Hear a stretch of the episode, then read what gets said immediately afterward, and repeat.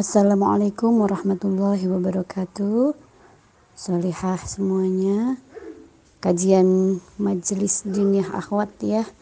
Hari ini bertemu dengan Umi uh, di materi sirah ya. Sirah sahabiah. Baik, uh, kita buka ya. Alhamdulillahirabbil alamin. وبه نستعين على أمور الدنيا والدين الصلاة والسلام على محمد وعلى آله وأصحابه مجاهدين الطاهرين أما بعد Puji syukur kehadirat Allah Subhanahu wa taala. Kita semua insya Allah dalam kondisi yang sehat ya, bisa beribadah dengan lancar, bermunajat kepada Allah di masa-masa pandemi yang semoga insya Allah uh, mulai berakhir ya harapan kita seperti itu dan semoga hendaknya Allah mengabulkan semua hajat-hajat kita dan doa-doa kita. Uh, di mana pun nanti semua berada uh, semoga bisa mendapatkan hikmah dari eh, kisah-kisah yang akan kita bahas kali ini yaitu belajar dari Ummul Mukminin Sayyidah Juwairiyah ya binti Haris radhiyallahu anha. Uh, yang lalu-lalu telah kita bahas bagaimana kita belajar dengan uh, istri Nabi yang pertama Ummul Mukminin Sayyidah Khadijah binti Khuwailid. Kita juga sudah belajar bagaimana uh, Saudah binti Zam'ah ya dalam melayani Rasulullah sifat-sifat beliau keutamaannya hikmah apa yang bisa kita ambil dan kita teladani kita belajar dari yang tercinta Ummul Mukminin Sayyidah Aisyah binti Abu Bakar hadiah dari Allah ya uh, apa wanita yang paling dicintai Rasulullah? Uh, yang nazornya itu dalam lewat mimpi ya walaupun masih kecil tapi uh, dilihatkan oleh malaikat Jibril saat sudah remaja. Ini adalah istri ya hadiah dari Rasulullah. Kemudian kita juga belajar dari Ummul Mukminin Zainab binti Huzaimah ya. Kemudian kita belajar dari wanita yang tercantik Ummu Salamah ya yang sempat dicemburi oleh uh, apa Fatimah apa Aisyah. Kemudian kita juga belajar dari uh, Zainab binti Zahsi yaitu uh, istri yang memang dinikahkan langsung oleh Allah dari atas arasi ya. Uh, lalu kita belajar setelah ini dengan istri Rasulullah yang tidak kalah istimewa ya Baik solihah semua, uh, tentu tauladan kita yang utama adalah Rasulullah Shallallahu Alaihi Wasallam. Kita tidak boleh berhenti untuk terus menteladani beliau dengan cara uh, terus mengenal beliau, perilaku beliau, sejarah-sejarah uh, penampakan beliau ya, kemudian sifat-sifat beliau dan segala sesuatu yang terkait dengan beliau. Karena beliau adalah toladan yang paling utama, yang paling uh, number one ya untuk bisa kita jadikan rujukan. Setelahnya kita belajar dari sahabat-sahabat beliau, uh, bermula dari istri-istri beliau yang terdekat ya. Uh, setelah istri nanti bisa kita ke putra-putri beliau, anak keturunan beliau, kemudian kepada para sahabat. Uh, tentu pembahasan kita kali ini membahas tentang Sayyidah Juwariyah uh, dulu ya binti Haris radhiyallahu anhu. Siapakah beliau? Kita akan coba pelajari ya. Kemarin setelah menikah dengan Sayyidah Zainab binti Zahsi Rasulullah itu sibuk dengan berbagai peristiwa-peristiwa penting ya. Peristiwa penting yang pertama ya beliau dan kaum muslimin menghadapi uh, perang Khandaq ya melawan banyak golongan dari kaum musyrikin uh, dan Yahudi di Madinah jadi kaum Yahudi Madinah itu membatalkan perjanjian waktu itu yang telah mereka sepakati ya dengan kaum muslimin.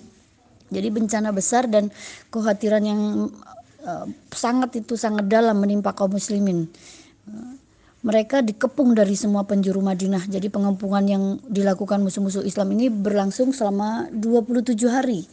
Ya maka dari itu uh, dibuat parit. Kita sudah uh, pernah mungkin ya di sekolah atau di mana belajar ya uh, parit untuk menghalangi kaum musyrikin masuk ke kota Madinah. Itu usulan dari Salman Al Farisi ya membuat parit. Sehingga Rasulullah dan pasukannya mendapatkan kemenangan yang intinya seperti itu ya. Kemudian kaum muslimin meletakkan senjata dan peperangan ya namanya peperangan ya setelah itu kan membuat mereka sangat lelah gitu ya. Nah pada waktu subuh kaum muslimin kembali ke rumah mereka masing-masing untuk istirahat. Nah menjelang sore tiba uh, ada salah seorang sahabat ya, bernama Bilal kita paham ya siapa itu Bilal berkata dengan keras wahai kaum muslimin barang siapa yang mendengar suaraku janganlah kalian melakukan sholat asar kecuali uh, sudah sampai di Bani Quraizah ya. Jadi peperangan antara kaum muslimin dan kaum munafikin Madinah berlangsung sengit gitu. Jadi oh, saat genting terus uh, intinya huru hara yang terjadi saat itu uh, sangat menyibukkan dan melelahkan. Ya. Kemudian kaum muslimin mengepung kaum Yahudi dari Bani Quraizah selama 25 hari. Kita mungkin pernah juga mendengar sirah tentang ini ya, tentang pengepungan kaum Yahudi karena kaum Yahudi itu sangat sering sekali melanggar perjanjian, menzolimi, uh, udah sabar, sabar, sabar. Akhirnya Nabi uh, dengan satu peristiwa penzoliman terhadap kaum muslimin gitu ya berawal mula dari situ. Kemudian ya banyak banyak sebenarnya banyak banyak asbab ya sehingga melakukan pengepungan kepada kaum Yahudi dari Bani Quraizah itu ya selama 25 hari.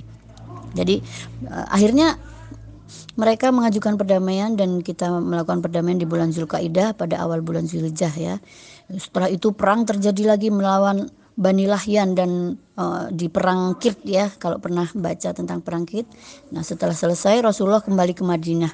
Tetapi belum sampai satu bulan di sana beliau mendapat berita bahwa Bani Mustalik menyiapkan pasukan untuk membunuh beliau yang dipimpin oleh Haris bin Abu Dirar ya ini awal mulanya ya jadi sekitar hmm, nggak hmm, berapa lama dari pernikahan dengan Sayyidah Zainab binti Zahsi. Ya baik Solihah ya. Uh, pada bulan Syakban tahun kelima Hijriah, di Rasulullah menerima kabar bahwa Haris bin Abu Dirar, pemimpin Bani Mustalik yang membantu kaum kaum kafir Quraisy di perang Uhud itu waktu itu melawan uh, kaum muslimin, uh, mereka menyiapkan pasukan untuk memerangi Rasulullah dan kaum muslimin. Uh, lalu Rasulullah mengumpulkan uh, pasukannya ya dan memerintahkan Zaid bin Haris memimpin pasukan di Madinah. Aisyah dan Ummu Salamah waktu itu terus kemudian pergi bersama Rasulullah. Begitu pula orang-orang munafik yang sama sekali tidak pernah ikut perang tahu kalau orang munafik kan selalu mengambil jalan aman ya. Jadi mereka uh, mengharap kenikmatan dunia. Akhirnya karena tahu kaum muslimin di bawah panji kemenangan waktu itu mereka sekarang berlindung di bawah naungan Rasulullah gitu. Waktu itu ketika kaum Yahudi rasa-rasa yang mau menang mereka berlindung di bawah uh, kalangan kaum Yahudi. Ya, ini juga terjadi ya kaum munafikin sekarang ber, berlindung di bawah naungan Rasulullah. Jadi siapa sebenarnya Bani Mustalik ini? Bani Mustalik ini terkenal dengan Bani yang istimewa ya kedudukan harkat dan martabat mereka tinggi uh, terkenal terkenal uh, para wanitanya juga cantik-cantik gitu ya. Jadi ini Bani yang martabatnya uh, martabat sukunya, klannya lah gitu ya. Jadi uh, istimewa gitu. Tapi uh, mereka uh, ini ceritanya peperangan rahasia yang akan mereka serbu ketika uh, mereka menyusun rencana ini dengan harapan mereka tidak tahu terus kaum muslimin tidak tahu mereka mau menyerbu tiba-tiba tapi ternyata Rasulullah uh, sudah diberikan Allah ya uh, berita lebih dulu gitu di tengah perjalanan Rasulullah bertemu menangkap mata-mata dari Bani Mustalik. Jadi Rasulullah mengintegrasi tapi nggak menjawab dan sudah menurunkan uh, perintah untuk menekan juga tidak mau membeberkan. Akhirnya Rasulullah memerintahkan untuk membunuh gitu ya membunuh uh, mata-mata ini karena membahayakan ya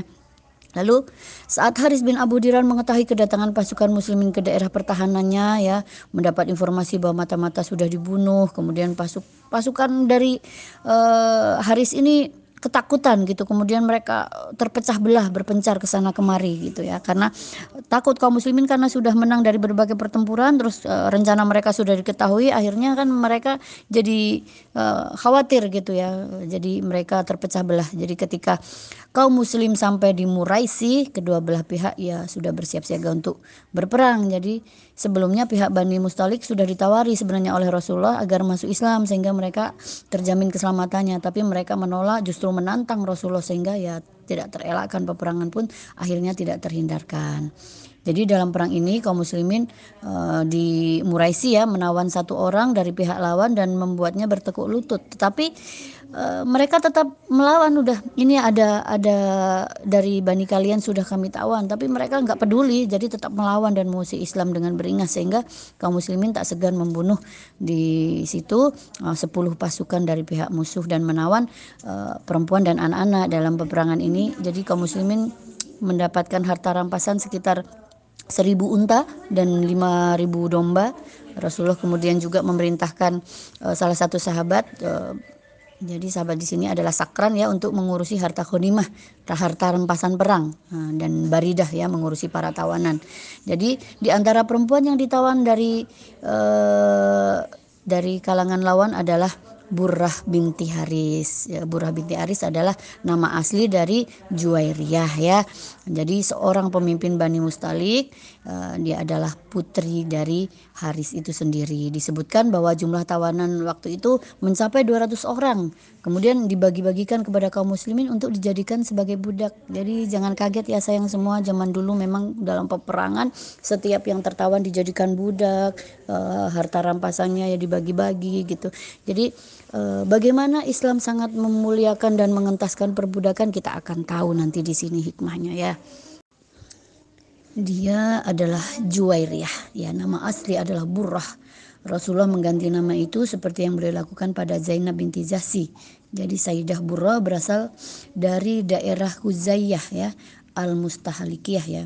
Ayahnya bernama Haris bin Abu Dirar bin Habib bin Aid bin Malik bin Jazimah bin Mustalik al-Ghuzanah ya al-Ghuzah. Jadi sebelum menikah dengan Rasulullah, Sayyidah Juwariza pernah menikah dengan uh, Musafa bin Safan Zu al-Safar bin Sarah bin Malik bin Jazimah.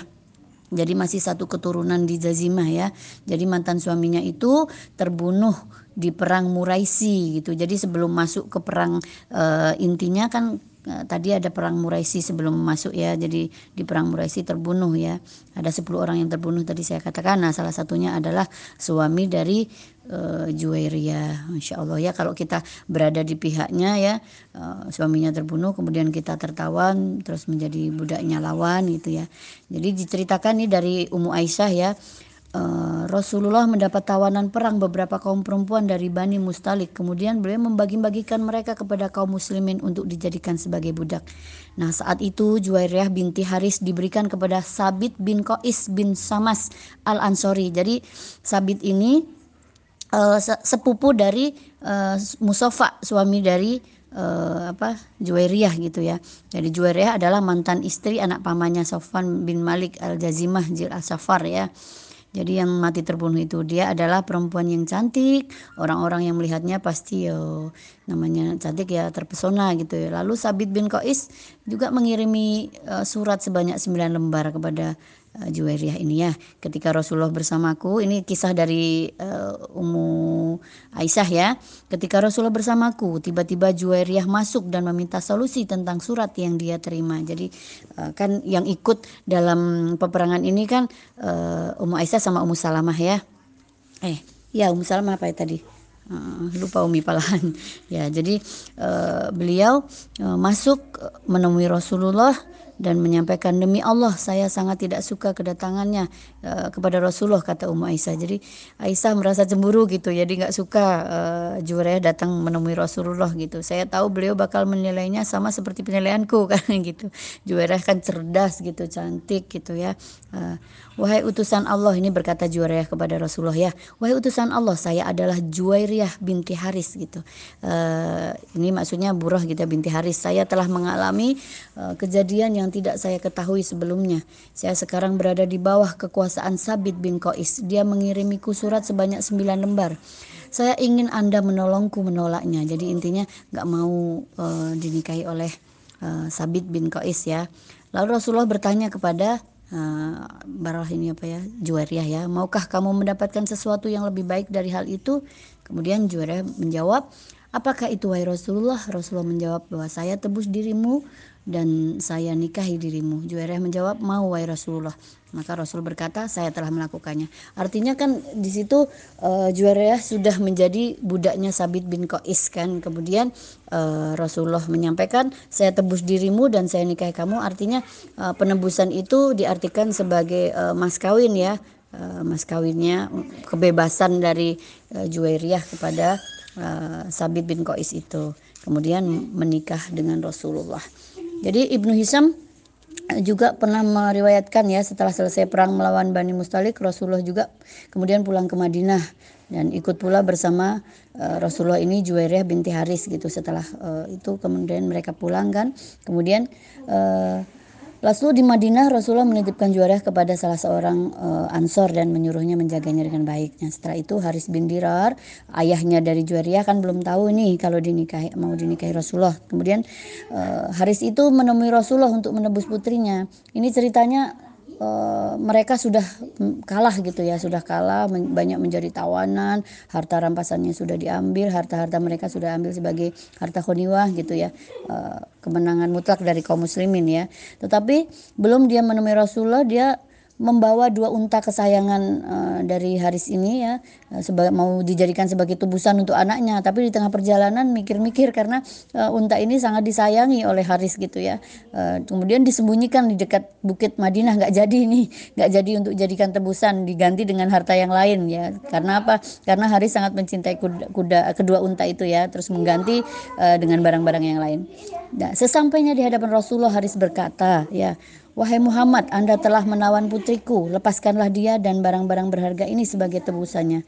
Lalu Rasulullah berkata, Wahai Haris, di mana kedua unta yang kamu sembunyikan di dekat bukit Madinah itu? Mendengar pertanyaan Rasulullah ini, Haris terkejut luar biasa dan secara serentak berkata, Saya bersaksi bahwa tidak ada Tuhan selain Allah dan Anda adalah utusan Allah. Demi Allah tidak ada yang tahu tentang hal itu kecuali Allah. Jadi sembunyi-sembunyi hanya dia sendiri karena eman-eman gitu ya sama kedua untanya disembunyikan kok uh, Nabi tahu. Lalu Haris dan kedua putranya uh, terus kemudian akhirnya kaumnya semua akhirnya masuk Islam gitu ya. Uh, waktu itu Haris masuk Islam karena terpana dan mengakui kebenaran kerasulan uh, Nabi ya. Setelah itu menyuruh orang untuk mengambil kedua unta dan menyerahkan salah satunya kepada Rasul.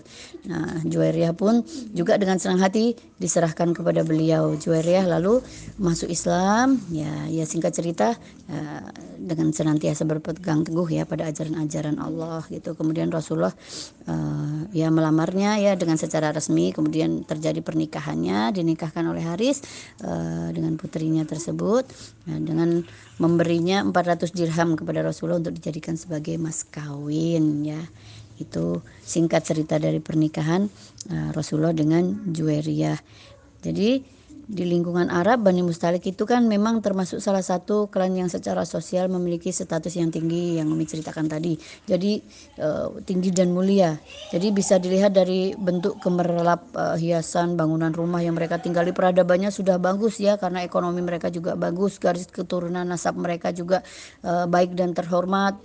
Umi sampaikan tadi wanitanya terkenal dengan wanita yang cantik-cantik. Jadi para suku-suku yang lain itu biasanya pada perebutan gitu yang mau meminang eh, anak-anak uh, gadis dari suku mereka gitu ya sehingga eh, ya orang Arab hendak menguasai atau mengalahkan mereka tapi tidak pernah berhasil karena mereka kuat. Ya sekarang mereka uh, di bawah kekuasaan uh, muslimin kemudian masuk sekalian ke uh, golongan kaum muslimin Nanti sementara kaum musyrikin tidak henti-henti ya kalau mau mengintimidasi, menghina, mengalak Rasulullah dan kaum muslimin uh, semuanya, tapi perlakuan keji uh, kaum musyrikin ini disikapi oleh Rasulullah dengan penuh kesabaran, ketawakalan pada Allah. Bahkan Rasul malah memintakan ampun kepada mereka kepada Allah gitu ya. Eh, jadi Rasulullah itu kan menghendaki perubahan di dalam tatanan masyarakat Arab waktu itu. Ya, Rasul melakukan dengan cara-cara yang ya baik harus gitu ya, gradual, penuh cinta, kasih sehingga uh, mengakar kuat di dalam alam kesadaran mereka. Jadi terlebih ya ini menghapus fenomena perbudakan ya. Uh, yang sedemikian kuat di zaman itu di seluruh dunia nggak hanya di Arab ya. Kalau kita lihat sejarah-sejarah di seluruh dunia seperti itu gitu. Jadi uh, bagaimana cara Rasul dengan sangat indah dengan sangat halus gitu ya uh, membebaskan para budak ini ya. Ya Rasulullah senantiasa memberikan cara untuk menghilangkan tradisi yang yang apa manusia itu ya taunya maunya enak sendiri gitu ya. Pada suatu ketika ya beliau menemukan jalan yang dianggap tepat bagi semua pihak yaitu dengan menikahi Juwariyah binti Haris. Jadi hikmahnya eh, setelah uh, ditelisik baru kita lihat gitu ya. Ketika kabar pernikahan itu tersebar di kalangan kaum muslimin semuanya jadi mereka berbaik sangka kepada uh, Rasul dan Juwariyah ya. Pada suatu ketika pengantin perempuan masuk ke rumah Rasulullah tidak ada perempuan yang memberi keberkahan kepada kaumnya yang sebesar Juwariyah ini ya Sayyidah Juwariyah karena apa? Dengan pernikahannya dengan Rasulullah akhirnya semua tawanan dibebaskan. Karena apa? Rasulullah sudah mencontohkan.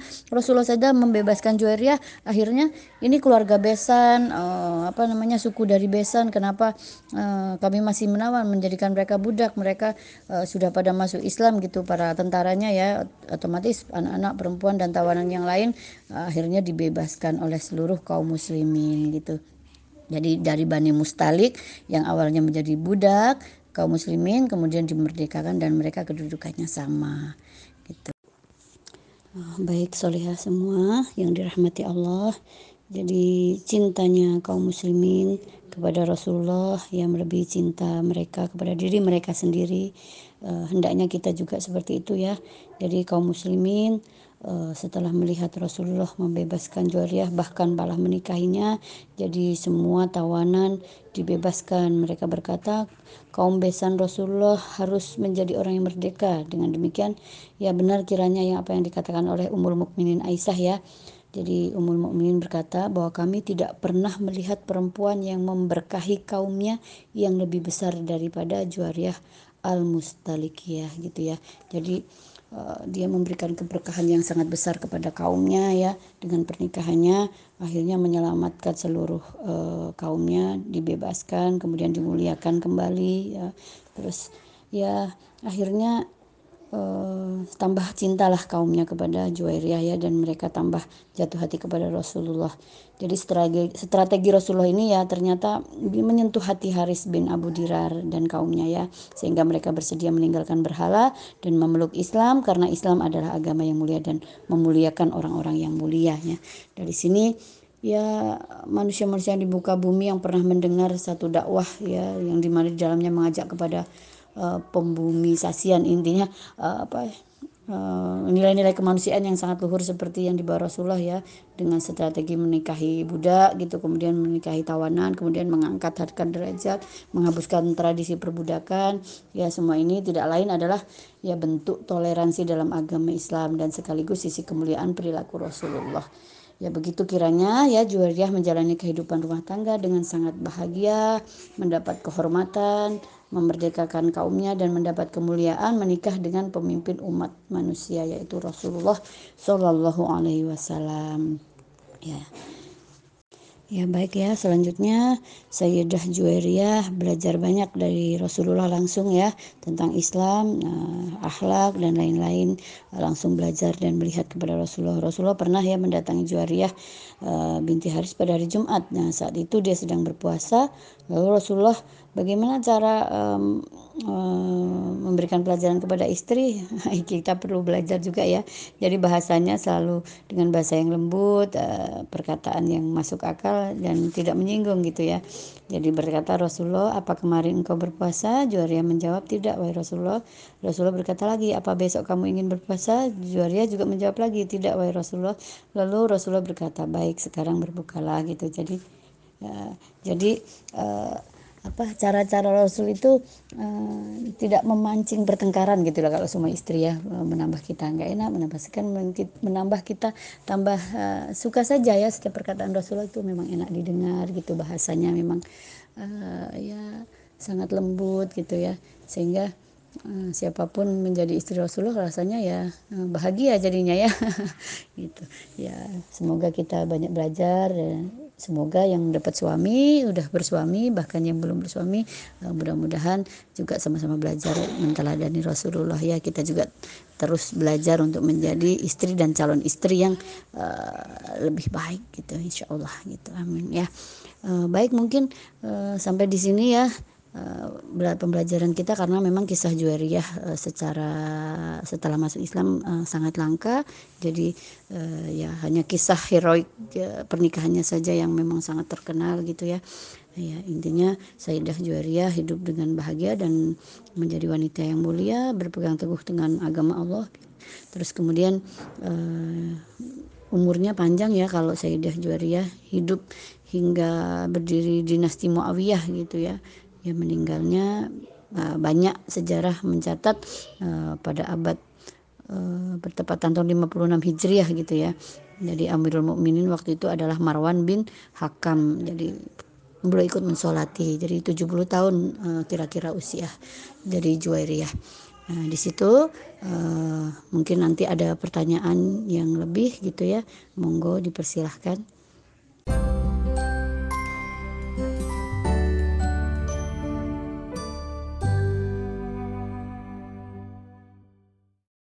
Pertanyaan satu, Umi, saya ingin bertanya, bagaimana sikap yang harus kita lakukan atau yang harus disampaikan jika ada sesama muslim atau non-muslim yang membicarakan pernikahan Rasulullah dan banyaknya jumlah istri-istri Rasulullah dalam kurung bernada negatif.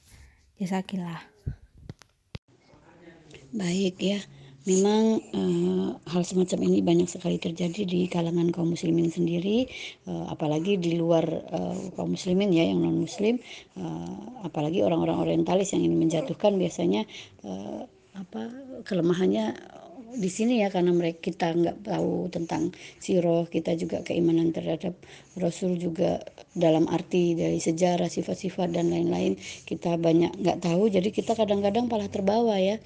Ya, artinya kalau ada orang-orang yang negatif baik dari seor, uh, seorang muslim itu sendiri maupun non muslim yang membicarakan tentang pernikahan Rasul, istri-istri Rasul, bahkan jumlah istri uh, ini yang yang bernada negatif ya.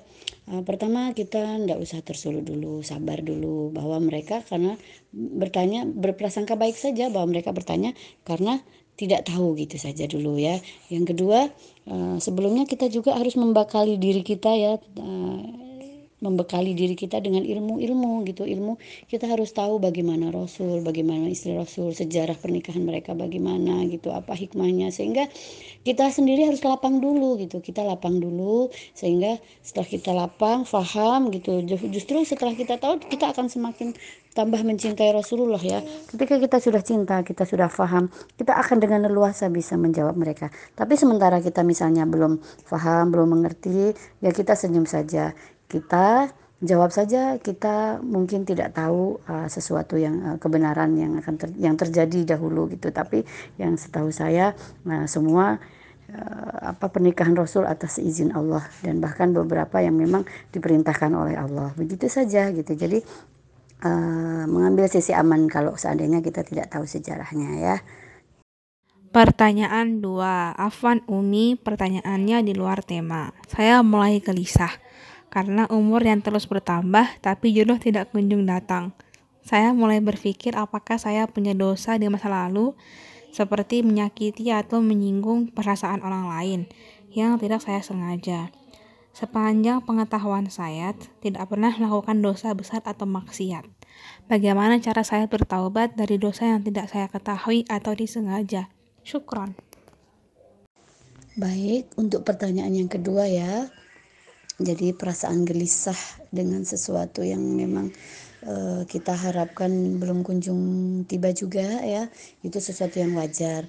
Tapi janganlah membuat kita merasa was-was gitu ya. Uh, jadi serahkan semuanya kepada Allah. Kita tahu bahwa jodoh rezeki umur itu adalah takdir Allah dan rahasia Allah gitu uh, untuk introspeksi diri itu bagus tapi jangan terlalu menyalahkan diri ya. Uh, bahwa kita misalnya uh, merasa punya dosa ingin bertobat itu lakukan karena Allah saja. Sebenarnya menikah itu untuk apa? Kan untuk menyempurnakan separuh agama gitu ya untuk mencari ridho Allah gitu. Jadi dengan ketetapan Allah saat ini yang membuat anti belum menikah uh, fokus saja kepada bagaimana Allah ridho kepada saya gitu ya. Ya tetap kita punya diberikan irodah kepada Allah ya kehendak untuk uh, melakukan sunatullahnya ya dengan cara uh, menikah ya. Kita berikhtiar ya selagi kita berikhtiar jangan terlalu terbawa jangan terlalu difikirkan gitu dan serahkan kepada Allah. Ikhtiar dengan maksimal tapi juga jangan terlalu difikirkan gitu ya. Nah dibawa dengan doa gitu ya Uh, kalau masalah bertobat itu hal yang lain lagi bukan karena kita ingin mencari jodoh ya itu hanya salah satu cara. Karena memang mau kita dapat jodoh atau enggak kita tetap harus bertobat kepada Allah atas dosa yang telah kita lakukan. Karena menikah juga uh, salah satu hikmahnya adalah mengiringi perbuatan buruk-buruk kita dengan perbuatan baik. Karena dalam pernikahan memang uh, akan banyak sekali panen-panen pahala. Itu pun kalau kita melakukan dengan baik dan benar. Artinya kita lakukan semua karena Allah. Jadi dalam pernikahan itu memang uh, ibaratnya ibaratnya orang menanam itu uh, sudah panen ya panen gitu banyak. Tinggal kita uh, mau melakukannya panen itu apa mau memetik panennya dengan baik dan benar atau tidak gitu. Kalau kita melakukan pernikahan tapi kita tidak memanen hasilnya kan sama saja gitu. Jadi uh, pertama jangan rendah diri uh, jangan terlalu menyalahkan diri. Kalau seandainya masa lalu kita uh, punya salah atau punya dosa dengan orang lain menyakiti atau punya perasaan itu manusiawi. Kalau kita merasa seperti itu kita tinggal minta maaf kepada manusia itu sendiri minta ampun kepada Allah uh, dan berhusnuzan kepada Allah berprasangka baik bahwa uh, insya Allah doa doa kita diijabah Allah. Maaf ya sambil mau ngade ini. Uh, uh, jadi Uh, untuk bertobat ya silakan nanti uh, mandi tobat kemudian sholat tobat dua rakaat sebaiknya memang di tengah malam gitu ya. Uh, mau kita menikah atau enggak mau kita uh, sudah sudah dalam rumah tangga apa pun gitu ya. Nah, kondisi kita kalau kita memang merasa berdosa kepada Allah ya kita harus segera minta ampun jangan ditunda gitu. Kalaupun belum bisa melaksanakan sholat ya kita banyak-banyak istighfar. Mengiringi perbuatan buruk kita di masa lalu dengan perbuatan baik yang uh, bisa kita lakukan. Pertanyaan tiga. Dari sekian istri Rasulullah apakah kita bisa meneladani sifat-sifat umul mukminin keseluruhan, karena saya dengar masing-masing memiliki kelebihan. Kalau dipilih siapa yang paling baik menurut saya seluruhnya juga baik, bukankah begitu Umi? Terima kasih. Baik ya sayang ya, uh, untuk pertanyaan ketiga memang semua istri Rasulullah itu adalah istri-istri pilihan Allah ya. Dan mereka semua istimewa dengan punya sifat-sifat yang luar biasa. Uh, kona uh, zuhud uh, intinya semua sifat-sifat mulia uh, wanita mulia di dunia ada pada istri-istri Rasulullah gitu. Jadi kalau mau meneladani keseluruhannya itu sangat baik sekali gitu. Tapi itu sesuatu yang untuk meneladani satu sifat uh, meneladani satu istri Rasulullah aja kita tidak bisa sempurna itu ya. Tapi kita berusaha untuk bisa meneladani mereka dengan sesuatu yang bisa kita lakukan gitu ya. Uh, tidak perlu dipaksakan kita lakukan yang paling mudah saja. Karena Rasulullah selalu gitu mengambil yang paling mudah. Kira-kira dari sekian istri Rasulullah kita mendekati sifat siapa ya gitu. Oh sifat sabarnya Khadijah sifat uh, keibuan ngemong kemudian uh, selalu melayani. Uh, kalau Khadijah kan selalu berpikir bagaimana cara menyenangkan Rasulullah gitu. Jadi bahkan Rasulullah diam Rasulullah uh, marah makan sedih apa ingin makan gitu. Kapan beliau lapar kapan beliau sedih. Khadijah selalu tahu tanpa Rasulullah bicara gitu hebatnya Khadijah ya. Jadi kalau kita um, merasa mendekati uh, karakternya seperti Khadijah silahkan maksimalkan meneladani uh, karakter Khadijah kalau kita merasa uh, ceria cerdas happy terus kemudian uh, bermanja-manja tapi kita juga uh, bisa melayani suka ngambekan atau suka uh, ya kekanak-kanaan. Nggak apa-apa kita meladani sifat Aisyah dengan segala kemuliaan dan sisi-sisi uh, manusiawinya gitu ya uh, kalau kita juga merasa karakternya sama seperti Hafsah gitu yang tegas uh, gitu ya. ya jadi kita silahkan pilih ya uh, mana yang bisa kita teladani gitu dari sifat-sifat dan uh, karakter-karakter mereka yang berbeda-beda. Karena uh, tidak mungkin ya kita meneladani semuanya. Ya bukannya tidak mungkin tapi uh, ya kita kan punya kelebihan dan kekurangan juga. Yang kita tidak bisa memaksakan uh, diri untuk bisa Eh, melakukan sesuatu yang mungkin bagi kita sangat sulit gitu ya. Yang mudah saja ambil yang mudah saja uh, silahkan lakukan. Uh, itu semua demi apa? Ya demi ridho Allah dan Rasulnya gitu ya. Kalau kita punya suami artinya kita jadi jembatan Allah dan Rasul adalah lewat suami. Kalau kita belum bersuami jembatannya adalah orang tua kita gitu ya. Monggo Pertanyaan 4. Ustazah, apakah Rasulullah pernah bertengkar dengan istri-istrinya atau pernah mengalami permasalahan dalam keluarga atau dalam rumah tangganya? Bagaimana cara Rasulullah mengatasi permasalahan dalam rumah tangga? Maaf, saya belum pernah mendengar apakah Rasulullah pernah menceraikan salah satu istrinya. Maaf kalau pertanyaan saya ada salahnya. Terima kasih. Baik ya, penanya yang keempat. Insya Allah pertanyaannya tidak ada salahnya ya. uh, jadi tidak perlu dimaafkan ya. Baik, apakah Rasulullah pernah bertengkar dengan istri-istrinya? Jadi Rasulullah itu orang yang paling tidak bisa marah ya, uh, marah dengan istrinya pun dengan cara yang elegan gitu. Uh, itu pun kalau marahnya uh, sudah melanggar ketetapan Allah gitu ya. Apakah pernah bertengkar? Jadi pertengkaran Rasulullah jangan diartikan seperti pertengkaran uh, seperti uh, suami istri suami istri yang lain. Kita sering uh, dengar ya misalnya istrinya cemburu meraju itu uh, biasanya hanya disikapi senyum saja. Bahkan Aisyah pernah uh, apa cemburu kemudian memecahkan piring karena uh, dihantarkan makanan dari istri yang lain di hadapan uh, Aisyah ya kepada Rasulullah. Kemudian uh, Aisyah uh, menyenggol tangan dari khodimat yang mengantar makanan terus kemudian pecah itu pun Rasulullah tidak marah bahkan di situ ada banyak orang gitu karena cemburunya Aisyah ini disikapi dengan senyum dan uh, kembalikan piringnya uh, Ummul Mukminin kalian bahwa dia sedang cemburu di malah dikasih pengertian kepada yang lain bahwa uh, sedang cemburu istrinya yang lain gitu ya sehingga pertengkaran-pertengkaran uh, yang terjadi uh, tidak seperti yang kita bayangkan ya. Jadi Rasulullah amat sangat jarang sekali uh, bertengkar dengan istrinya. Kalaupun ada satu dua biasanya hanya berupa kecemburuan-kecemburuan itu saja dan itu sesuatu hal yang uh, dianggap wajar dan karena itu adalah uh, uh, tanda cinta gitu ya. Terus kemudian apakah ada permasalahan? Oh, ada karena setiap rumah tangga itu kan ada ujian.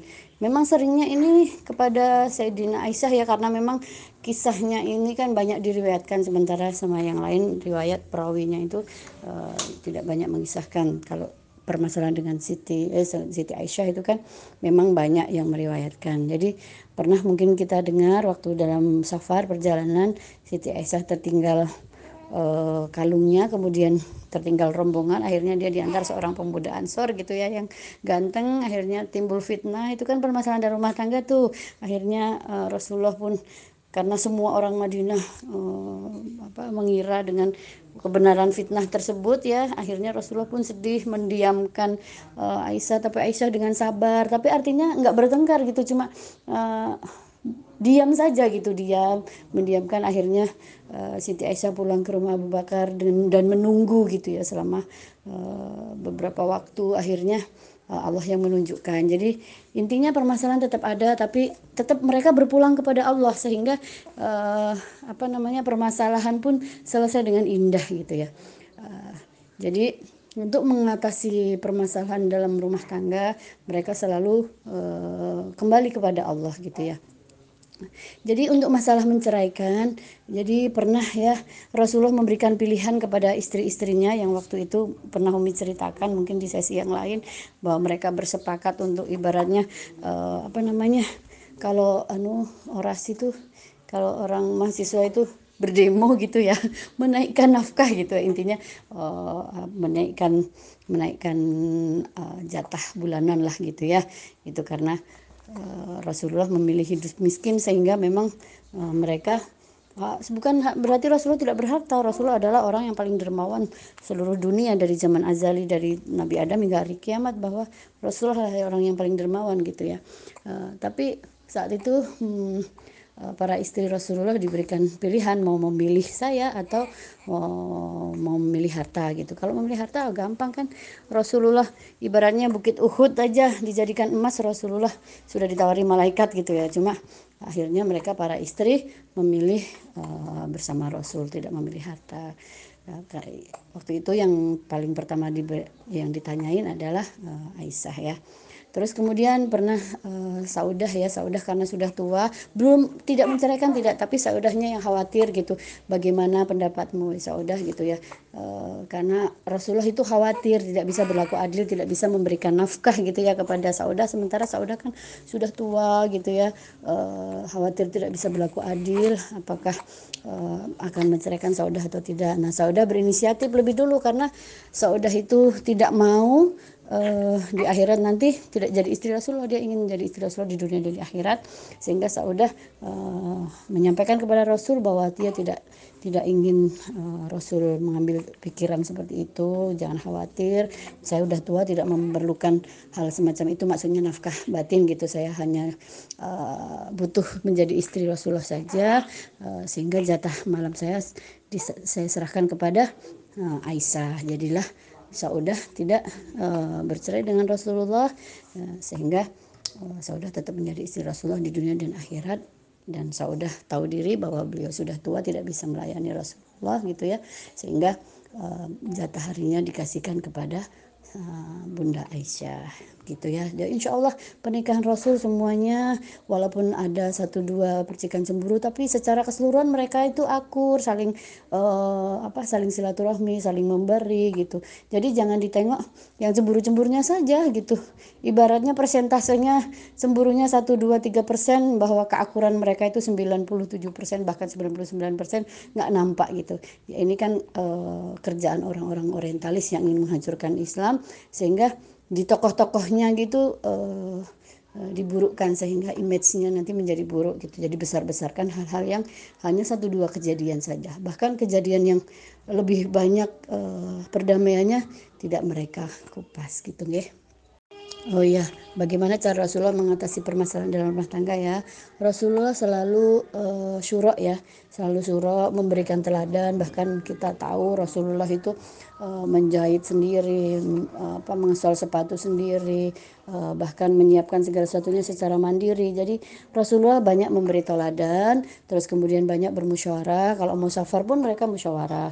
Mereka sepakati hal-hal yang uh, menyangkut uh, keluarganya, misalnya mau dalam perjalanan mereka undi giliran malam juga mereka uh, bagi dengan secara sukarela ya jadi intinya uh, Rasulullah selalu mengedepankan keriduan istri-istrinya juga. Nah, pernah suatu ketika juga uh, Rasulullah menikah dengan Kiptiyah ya. Kemudian saat harinya Hafsah uh, kok Hafsah mengunjungi ayahnya Abu Bakar.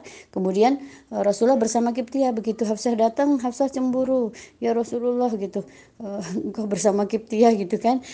Tapi akhirnya Rasulullah karena tahu Hafsah nggak ridho, baiklah aku bersumpah bahwa aku tidak akan mendekati Hafsah lagi. Tapi kemudian ditegur Allah. Jadi ketika Rasulullah ada kesalahan menghalal mengharamkan sesuatu yang halal, ditegur sama Allah. Akhirnya Hafsah pun menjadi uh, apa lega bahwa Rasul sikapnya pun begitu tapi kemudian diluruskan Allah gitu ya bahwa Rasul ketika istrinya tidak ridho juga dia mencari bagaimana keridoan istri terhadap dirinya. Bukan untuk mengemis-ngemis keridoan ya tapi dengan cara yang elegan bagaimana menyenangkan istri. Jadi eh, ketika timbul masalah, timbul perselisihan dalam rumah tangga, eh, mungkin kecemburuan-kecemburuan istri atau ketidaksukaan istri, Rasulullah eh, selalu bisa apa namanya mengembalikan suasana menjadi lebih baik lagi gitu ya. Kalaupun misalnya terjadi kesalahan uh, di Rasulullah, Allah yang menegur langsung. Wallahu a'lam. Oke, pertanyaan 5. Assalamualaikum Umi, izin bertanya. Di sisa waktu saya yang mungkin kita semua tidak tahu kapan ajal menjemput sedangkan kondisi belum menikah. Yang saya khawatirkan Umi, apakah kelak saya bisa masuk ke surga melalui pintu mana saja sedangkan hal tersebut hanya ada jika taat pada suaminya. Atau adakah contoh kisah zaman dulu yang belum juga menikah tetapi bisa masuk surga Umi? Terima kasih. Baik ya sayang, untuk pertanyaan kelima, Waalaikumsalam warahmatullahi wabarakatuh. Ya, waktu itu kan memang sangat berharga ya. Setiap waktu kita, apakah kita mau jadikan itu e, sebagai sesuatu yang menghasilkan pahala atau menghasilkan dosa, ya tergantung amal yang kita lakukan saat itu ya. E, dengan kondisi anti yang belum menikah, anti khawatir apakah bisa kelak masuk surga lewat pintu mana saja gitu ya. Yang sudah menikah saja belum tentu bisa masuk surga sayang ya karena uh, pernikahannya ya benar nggak uh, bisa mendapatkan ridho suami. Uh, karena ridho suami juga tidak mudah ya gitu. Penuh perjuangan dari diri kita sendiri bahkan dari suami kita.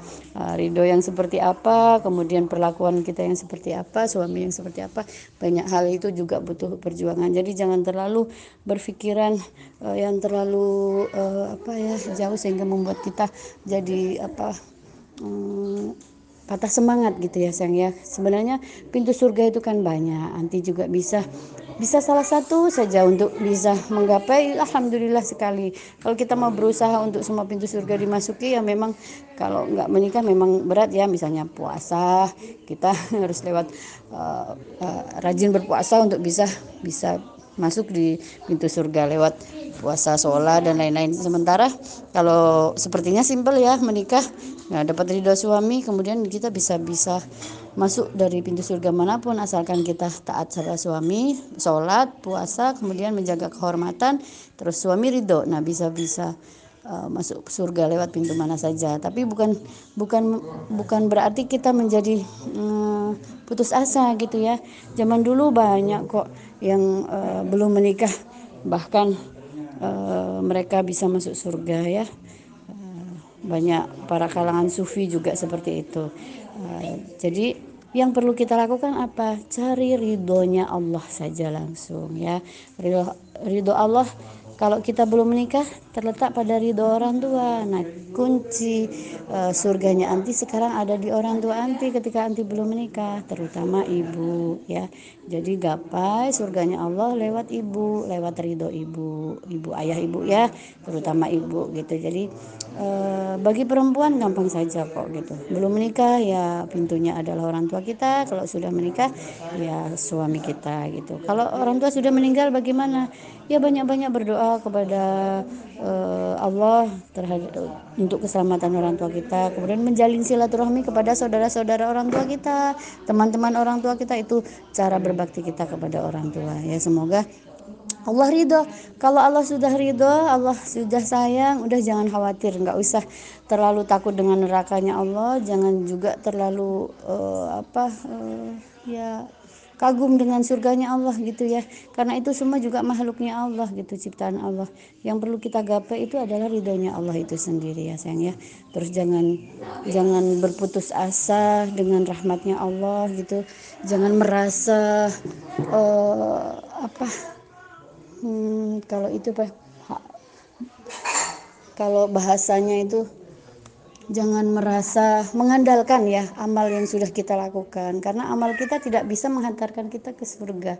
Yang bisa menghantarkan kita ke surga adalah rahmatnya Allah. Jadi fokusnya adalah cari kasih sayangnya Allah rahmatnya Allah ya. Karena amal juga belum tentu bisa menghantarkan kita ke surga ya. Cari kasih sayangnya Allah sehingga uh, kita menjadi ringan hatinya gitu ya. Monggo sayang ya nggak usah terlalu difikirkan kalau memang uh, kita ingin mengambil jalan uh, berjihad lewat menikah ya kita ikhtiar untuk menikah.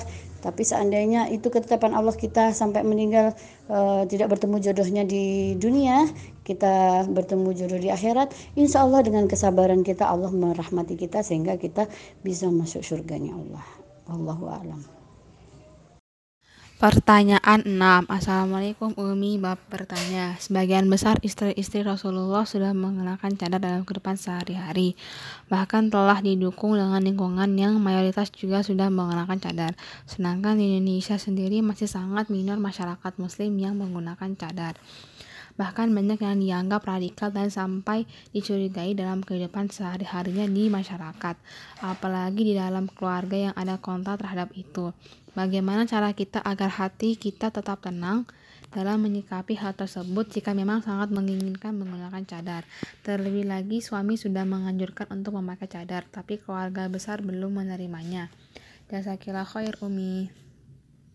Jawaban pertanyaan 6. Sebagaimana dalam surat An-Nur ayat 31, kaum muslimah hanya diwajibkan untuk berhijab atau himar yang menutup kepala hingga dada. Artinya, cadar atau nikab tidak diwajibkan. Istri Rasulullah kemudian mendapat perintah khusus untuk bercadar sehingga seluruh istri Rasulullah bercadar.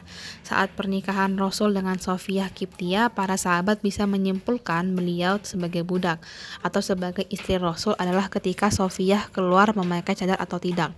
Ketika keluar ternyata beliau memakai cadar, maka fahamlah para sahabat bahwa status beliau adalah istri Rasul.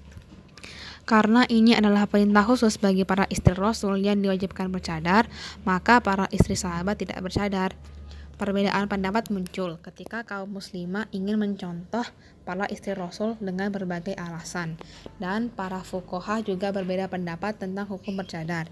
Dalam hal ini seperti Imam Syafi'i menghukumi sunnah jika manfaat lebih banyak daripada menurutnya, menghindari fitnah, menjaga pandangan, dan lain-lain. Yang menghukuminya wajib karena menganggap bahwa wajah bagian dari aurat. Adapun Imam Maliki dan lainnya menghukumi makruh, sebagaimana ulama yang menganggap makruh mengatakan bahwa ini perintah khusus untuk istri-istri Rasul dan menganggapnya berlebihan dalam agama jika kaum muslimah melakukannya. Jadi jika mau menyontoh, contoh perintah yang sifatnya umum. Begitu kira-kira dasar awal perbedaan pandangan tentang cadar. Di Mesir bahkan dilarang penggunaan cadar dengan alasan masih masalah radikalisme. Walau ini banyak ditentang jika dikaitkan masalah cadar dengan radikalisme, itu pun terjadi di Indonesia. Namun, bagaimana sikap kita jika ingin bercadar, apalagi suami sudah menyuruh? Pertama, menata niat dulu, fahami hukumnya. Lakukan karena Allah, ambil hukum ulama yang menghukumi sunnah dalam bercadar. Kedua, mengikuti perintah suami dalam hal ma'ruf untuk mencari keridoannya demi menggapai ridho Allah. Tiga, azamkan bahwa pakaian cadar kita bisa membuat kita tambah tawadu, bertawakal, dan bisa menjaga diri serta menjauhi fitnah serta membantu menjaga pandangan dan bukan membuat kita ujub serta merasa paling baik atau lebih solehah. Empat, jika di lingkungan keluarga masih banyak yang negatif, perlahan saja melakukannya. Dilepas jika di dalam lingkungan keluarga atau pakai masker dulu. Sambil tunjukkan perubahan sikap dan akhlak kita yang lebih baik, lebih ramah, dermawan, halus tutur bahasa dan lebih pekerti sehingga mereka paham bahwa pakaian kita bukan mencirikan radikal, justru melambangkan tingkat agama dan akhlak kita yang terus lebih baik. Yang terakhir, lakukan dengan istiqomah dalam sadar ketika di luar lingkungan keluarga besar kita hingga keluarga menyimpulkan bahwa kita tidak berubah seperti yang mereka khawatirkan. Justru mereka merasa diistimewakan karena saat bersama mereka anti melepas cadar. Allahu a'lam. Pertanyaan 7. Assalamualaikum Umi, izin bertanya. Jika ada seorang muslim meninggal dunia, sedangkan dalam perjalanan hidupnya orang tersebut pernah melakukan dosa besar dan tidak terlalu rajin beribadah. Tapi dia juga orang yang bertanggung jawab terhadap keluarganya. Yang ingin saya tanyakan amalan apa saja yang bisa dilakukan keluarganya, terutama anaknya, agar muslim tersebut bisa masuk surga dan terhindar dari siksa kubur. Dan apabila muslim tersebut mempunyai hutang yang tidak diketahui keluarganya, bagaimana cara ahli waris membebaskan utang tersebut? Apabila sudah berusaha semaksimal, semaksimal mungkin mencari info tentang utangnya, tetapi tidak ditemukan. Terima kasih. Jawaban pertanyaan 7. Waalaikumsalam. Tidak ada dosa yang tidak bisa diampuni Allah. Semua dosa akan diampuni Allah jika ia bertaubat walau sebanyak buih di lautan, kecuali dosa syirik atau menyekutukan Allah.